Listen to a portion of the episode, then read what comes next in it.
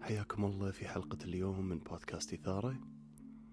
اليوم ودي أتكلم عن موضوع وايد أواجهه لما نشتغل مع عملاء لما نتكلم حتى إحنا مع ربعنا يمكن لما نفكر عن نفسنا حتى. كلنا عندنا limitations. كلنا عندنا أشياء خلينا نسميها عيوب.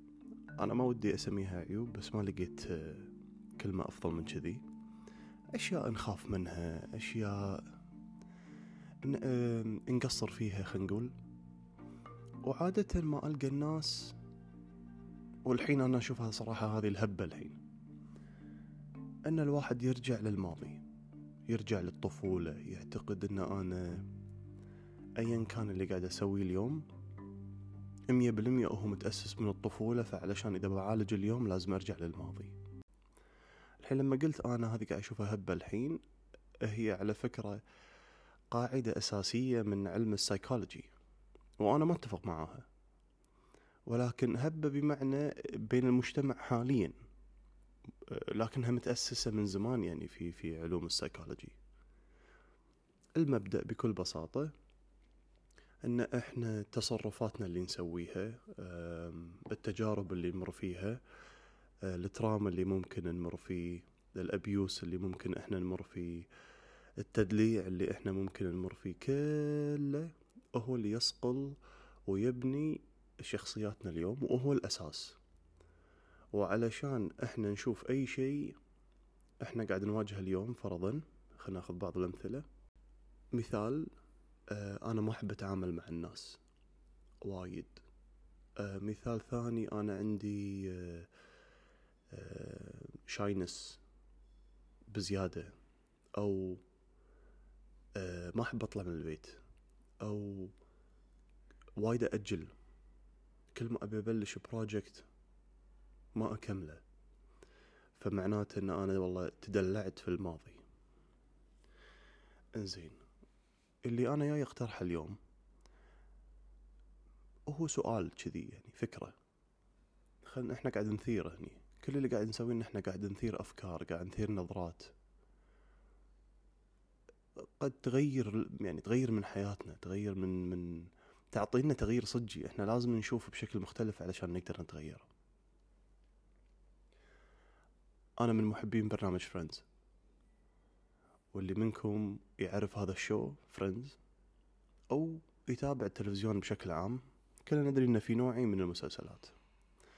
في النوع اللي إذا ما جابلته من أوله ودشيت بالموسم الثالث أنت الضايع ما راح تقدر تشوف ما راح تقدر تفهم ولا شيء لازم ترجع تشوف الأمور من أولها.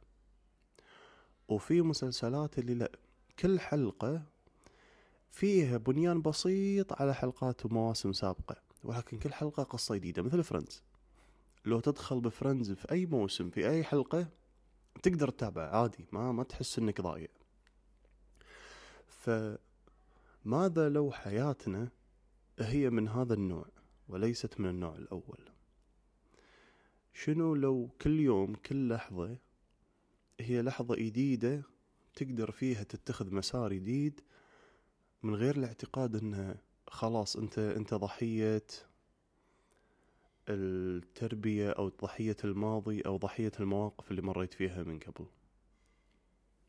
الحين اللي قاعد أقوله مو الماضي ما له أي تدخل أو دور. امبلى أول شيء الماضي عبارة عن مواقف حصلت لحظتها. ثانيا هذا الماضي قاعد يعيش بشكل ذكرى ف it's in the memory. لازم نتذكره ولذلك ال ال الأشخاص اللي يحوشهم memory loss عادة ما يشوفون إن في تغير جذري في شخصياتهم. الشخص اللي كان خجول الشخص اللي كان introvert الشخص اللي كان extrovert وغيره وغيره من الكلام. كله يتغير فجأة لأن he lost his memory. هذا الشخص فقد ذاكرته ما يتذكر ولا شيء. وهني صار هني خلينا نقول في نافذة للجدال. ان آه يعني معناته إحنا إذا ما نتذكر الأشياء اللي مرينا فيها قد قد نقدر يعني نتحرر منها. آه الشغلة الثانية ماضينا يأسس الهابت عادات تفكيرنا. أنا هذا معاه مية بالمية. لكن في نفس الوقت هذه بشارة لأن هي عادات العادات تغير. فمثلا أنا آه، دائما تفكيري عن الأكل أو الأكلة أو الهابت مالي مع الأكل صاير بطريقة معينة. فالحين أنا عندي خيارين اليوم لحظة جديدة أقدر أبلش تغيير جذري.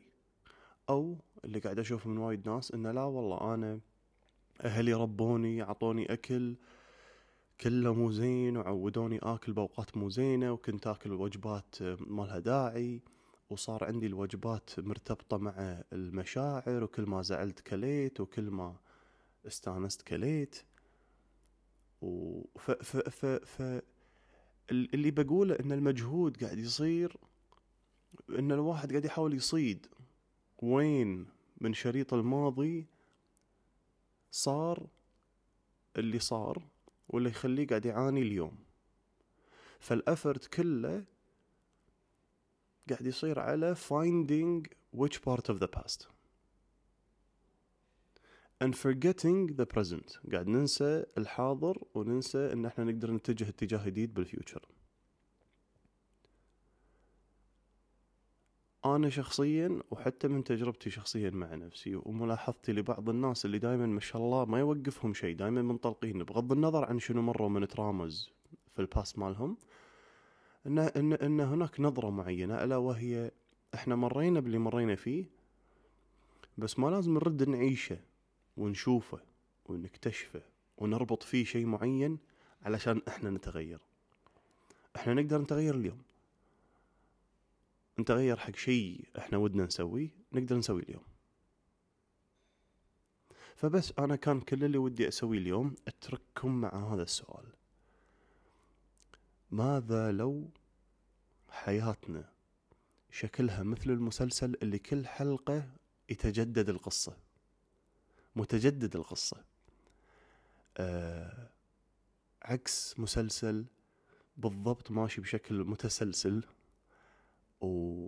ولازم تعرف الحلقة الأولى من الموسم الأول علشان تفهم ليش قاعد يصير اللي يصير اليوم. الله يعطيكم العافية وأكلمكم في الحلقة الجاية.